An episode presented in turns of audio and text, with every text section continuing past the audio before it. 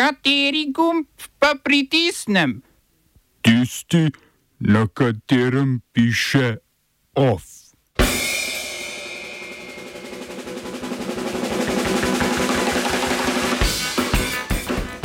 Šinko in Brežan več nimata podpore goloba.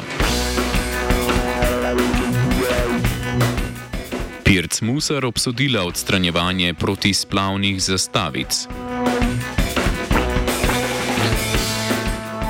Predstavniški dom ameriškega kongresa odstavil svojega predsednika McCarthyja. Više sodišče v Beogradu izpustilo Radojičiča, ki je prevzel odgovornost za napad na kosovske policiste. V kulturnem obzorniku mednarodna filozofska konferenca na temo odtujitve.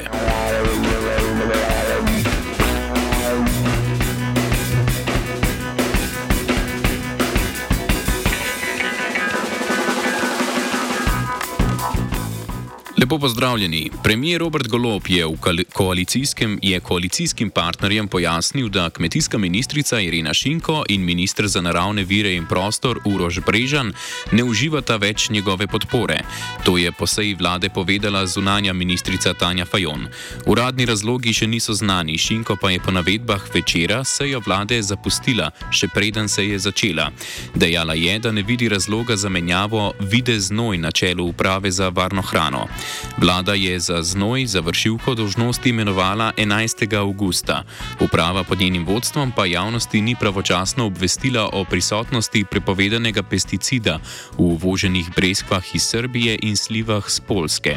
Šinko je to v oddaji 24 ur zvečer komentirala z besedami, da uprava ne obvešča več o blagu, ko je to že bilo prodano. Šinko sicer ne namerava odstopiti, dejala je, naj jo razreši parlament, ki jo je tudi imenoval. Urož Brežan, po neuradnih informacijah slovenske tiskovne agencije, pa bo odstopil sam.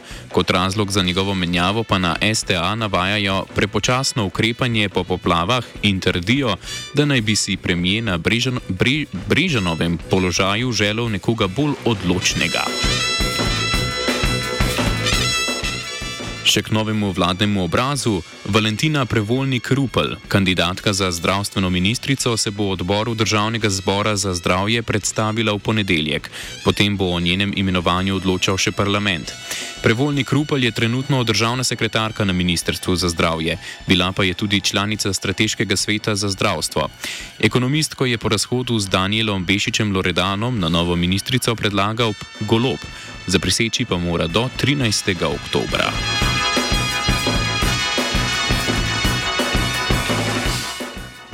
Trese se tudi stolček ministrice za javno upravo Sanja Janovič-Hovnik. Ministrico bremenijo razkritja tednika Mladina o spremembi razpisa za krepitev državljanskih pravic in za opolnomočenje nevladnih organizacij.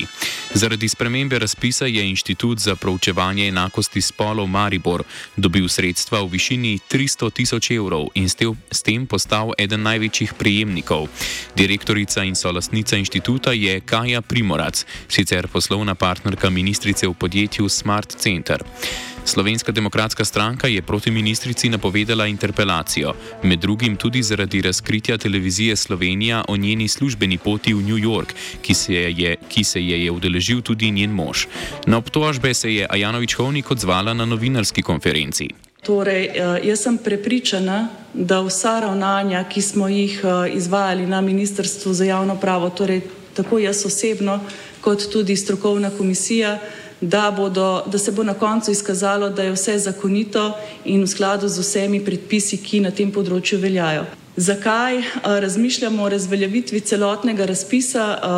Zato, ker najprej se je pojavil sum na nepravilnost pri dveh prijaviteljih, potem se je ta sum nekako širil in prav iz tega razloga, ker pač ne vemo, koliko nepravilnosti naj bi pravzaprav bilo, je mogoče na mestu razmislek, ali je možno razveljaviti celotni razpis oziroma kakšna so sploh možna postopanja v tem primeru. Jaz sem podpisala in naročila revizijo celotnega postopka, celotnega postopka izvajanja, torej priprave izvajanja razpisa, torej iz vidika zakonitosti, transparentnosti in vseh ostalih postulatov, ki na tem mestu veljajo in te rezultate nekako pričakujemo v mesecu novembru. Hkrati se zavedam, da je sedaj nekako sum javnosti padel na celotno izvedbo in tudi na samo inštitucijo, torej na sam, samo ministrstvo, da je tu ravnalo mogoče sporno. Zato bomo naročili tudi zunanjo revizijo, da se do tega razpisa opredeli iz vseh teh institutov. Kar se tiče pa same interpelacije, ko bo interpelacija vložena, ko bom vedela, kaj točno mi v interpelaciji se očita, takrat se bom do tega tudi ustrezno odzvala. Boštjan Lindau, nekdanji vršilec dožnosti generalnega direktorja policije, je na upravno sodišče vložil tožbo. V njej izpodbija izbirni postopek, v katerem so na notranjem ministrstvu za generalnega direktorja policije izbrali Senada Juš Jušiča. V tožbi skuša Lindau dokazati, da postopek imenovanja ni potekal v skladu s predpisi. Jušič po Jušič pa po njegovem ne izpolnjuje pogojev za ta položaj. Kandidat za to funkcijo mora imeti najmanj 15 let delovnih izkušenj v policiji in najmanj 8 let izkušenj na vodstvenih delovnih mestih v javnem sektorju. Jušič je med izkušnjami z vodstvenimi funkcijami navedel delo na mestu pomočnika komandirja in pomočnika vodje sektorja kriminalistične policije na Koperski policijski upravi. Na notranjem ministrstvu menijo, da Jušič izpolnjuje pogoje kot vodstveno funkcijo, so razumeli vodjo policijske enote ali osebo, ki ga nadomešča. Posebna natečajna komisija uradniškega sveta je sicer tako Jušiča kot Lindava ocenila za ustrezna kandidata. Za Jušiča pa se je odločila, odločil minister Boštjan Poklukar.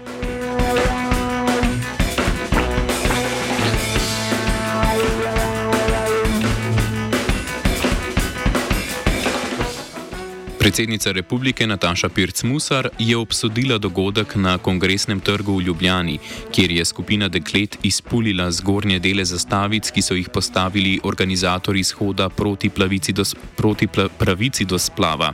Med dekleti je bila tudi Sara Štiglic, članica mladinskega posvetovalnega odbora predsednice republike.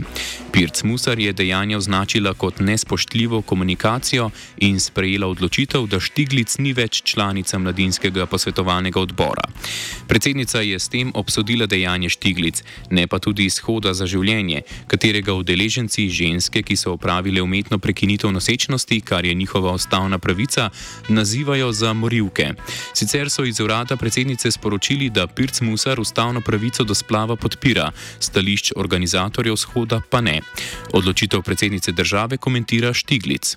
Torej, uh, nikakor se ne morem strinjati s to odločitvijo, ampak gre za odločitev predsednice, medtem ko moja odločitev vedno je bila in ostaja, ne glede na to, ali ogrozim svoje delovno mesto, svojo funkcijo, celo svoje življenje, da bom pač stala na strani žensk, vseh ostalih zapiranih skupin in na strani človekovih pravic. Pozivanje k ukinitvi pravice do spava, ki je sicer utemeljena tudi v 55. členu ustave, uh, je v resnici tudi nasilje nad ženskami.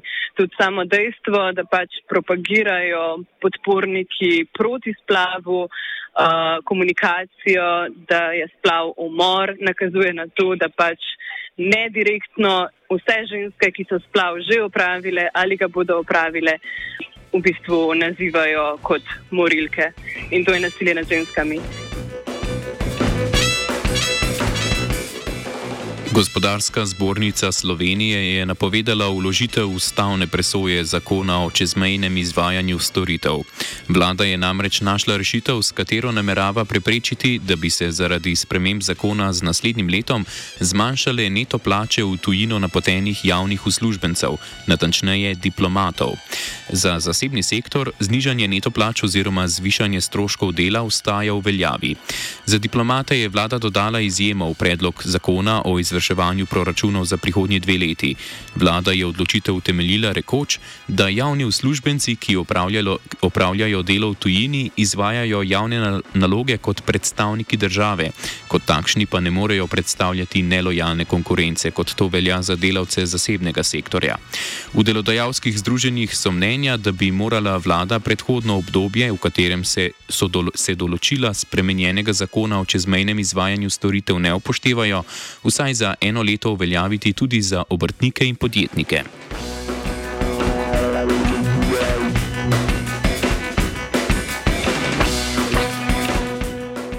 Nadaljujemo v tujini. Predstavniški dom ameriškega kongresa je z položaja predsednika predstavniškega doma odstavil republikanca Kevina McCarthyja. To je prva odstavitev z te funkcije v zgodovini Združenih držav Amerike. Proti McCarthyju je glasovalo 216 članov predstavniškega doma, vsi demokrati in 8 republikancev. Glavni razlog za tako odločitev skupine republikancev je, da je McCarthy dosegal dogovor o financiranju vlade brez drastičnega znižanja porabe. McCarthy je bil zaradi zaradi tesne republikanske večine v spodnjem domu kongresa izvoljen januarja po 15. krogu glasovanja. Nasprotovali mu niso zgolj demokrati, temveč tudi skupina republikancev, podpornikov nekdanjega predsednika Donalda Trumpa. Večja razhajanja so se v republikanskih vrstah začela kazati maja, ko je McCarthy s predsednikom Joeom Bidenom dosegel dogovor o proračunu in meji javnega dolga. Izvor težav je bila med drugim privolitev McCarthyja, da lahko en sam kongresnik sproži postopek za njegov njegovo odstavitev. Predstavniški dom bo do izvolitve novega predsednika vodil Patrick McHenry, ki ga je za vršilca dožnosti imenoval McCarthy. Več pa v offsajdu o petih.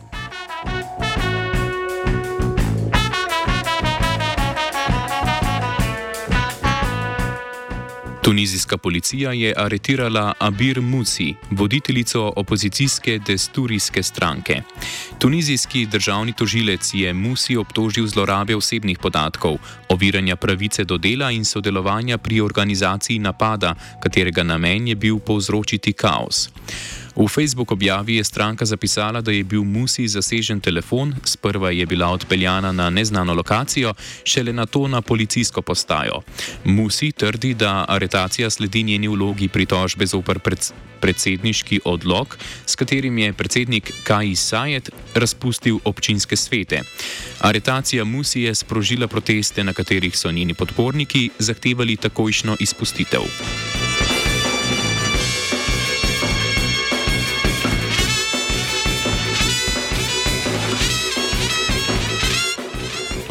Više sodišče v Beogradu je izpustilo glavnega osumljenca za napad na kosovsko policijo v Banski, Milana Radojčiča.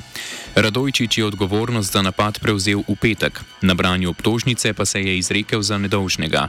Kljub predlogu višjega javnega tožilstva za pridržanje Radojčiča je sodnik pridržanega izpustil, saj je ocenil, da ni nevarnosti za njegov beg. Sodnik je sicer odredil, da Radojčič ne sme zapustiti kraja stalnega bivališča, kar pomeni, da ne sme zapustiti ozemlja Srbije. Vsakega 1. in 15. v mesecu se mora javiti pristojni policijski postaji, začasno mu je oduzet tudi potni list. Radojčič je obtožen nedovoljene proizvodnje, posedovanja in prometa z orožjem in eksplozivnimi sredstvi ter sodelovanja v skupini, ki ogroža splošno varnost.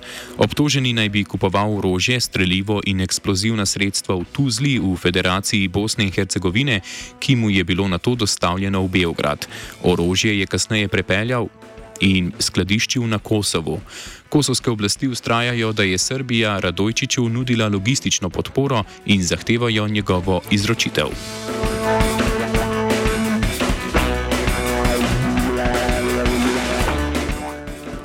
OF je pripravila